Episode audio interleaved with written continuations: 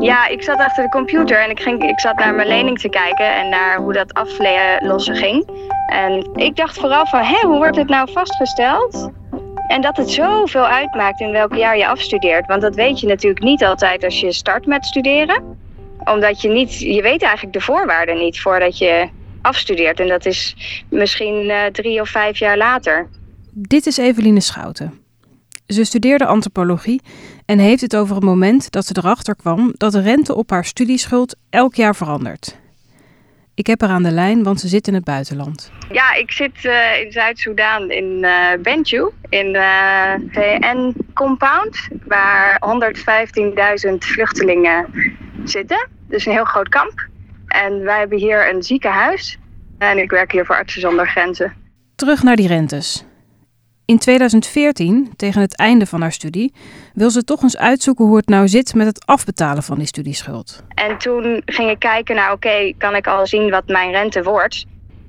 En toen zag ik van, oh, hè, de rentes die lijken zo te gaan dat het elk jaar meer werd en dan daarna een soort cyclus dat het weer op nul kwam. En dat hij dan weer in stapjes meer werd per jaar.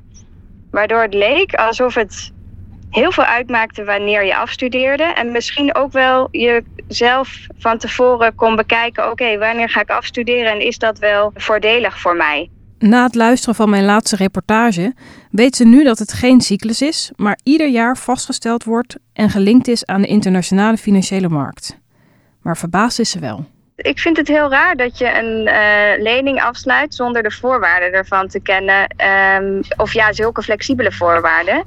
Die, denk ik, studenten niet zo heel goed voorzien. Dat vraag ik me ook af. Je weet namelijk nooit van tevoren welke rente je moet gaan betalen als je afgestudeerd bent. Ik ga eerst maar eens naar de man die deze regel ooit gemaakt heeft. Misschien is er wel een hele logische reden voor. Ik ben weer in Den Haag. En ik heb zo een afspraak met Loek Hermans.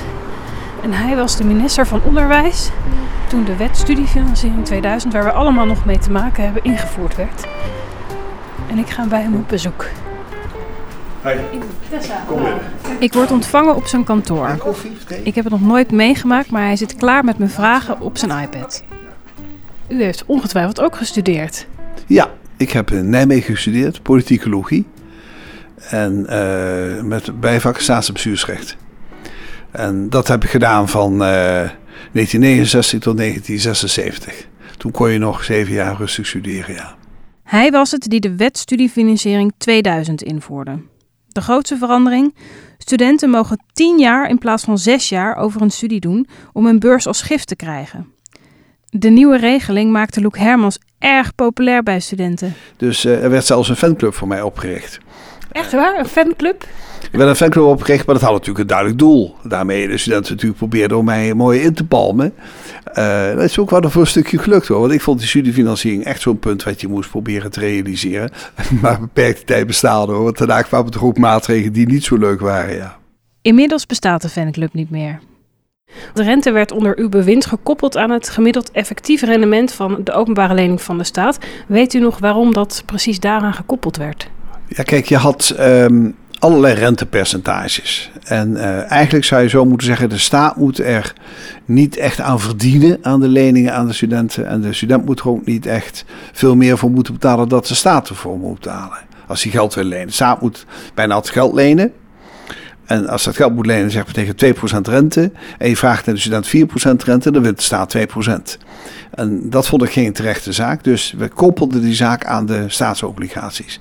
Waarmee je dus, een, uh, omdat Nederland een sterke economie had, wist je dat die staatsobligaties rente meestal redelijk laag waren.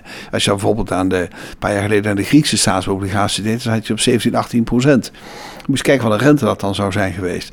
Dus wij proberen op die manier voor de studenten een zekere stabiliteit en een zekere uh, zeg maar, lage rente te berekenen. Gekoppeld aan staatsobligaties. Dat leek mij ook wel logisch. Maar waarom het nou precies aan het effectieve rendement gekoppeld is, en dus aan de internationale financiële markt, dat weet hij niet meer precies. Ik vraag het nog twee andere ambtenaren die destijds met hem werkten. Zij weten het ook niet meer. Al met al lijkt niemand meer te weten waarom het zo is. Dus ga ik verder met de vraag: is het wel terecht? En dat is een politieke vraag.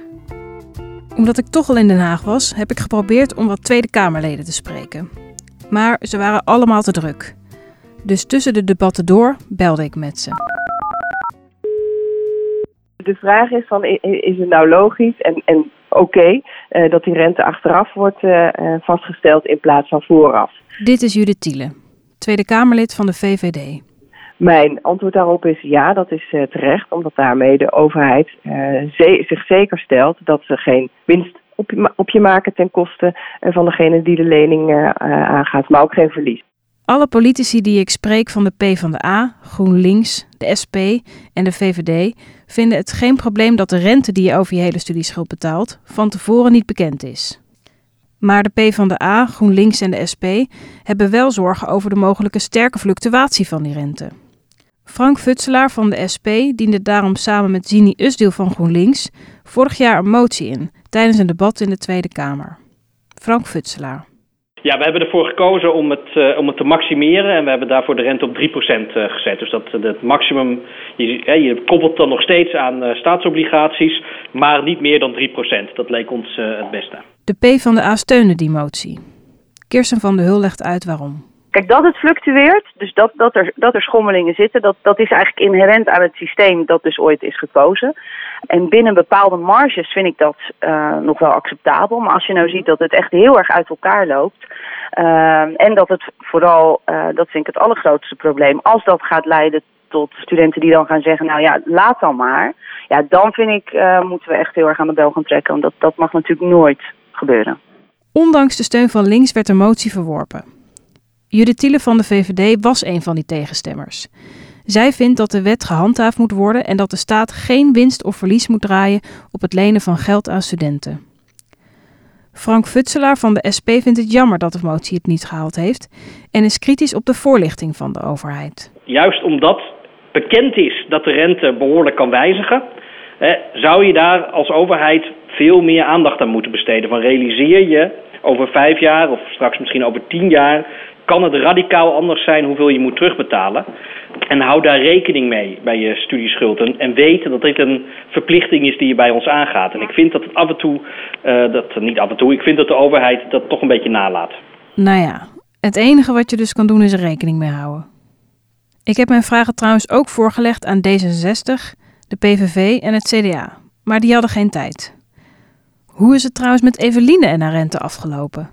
Nou, uiteindelijk kwam ik erachter dus dat ik in een redelijk uh, positief jaar afstudeerde. Want het was 0,1% rente, geloof ik, in 2015. Inderdaad, dat is redelijk positief. Dus toen dacht ik, oh, ik heb wel geluk. Want daarvoor stond hij volgens mij op 2, nog wat. Of uh, ik weet niet meer precies uit mijn hoofd. Het is een beetje een tijdje geleden. Heeft het trouwens spijt van haar lening? Spijt is een groot woord. Daar doe ik niet echt aan.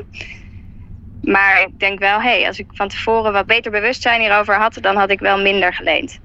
Maar hier zitten is ook niet echt een goede keuze om het af te lossen.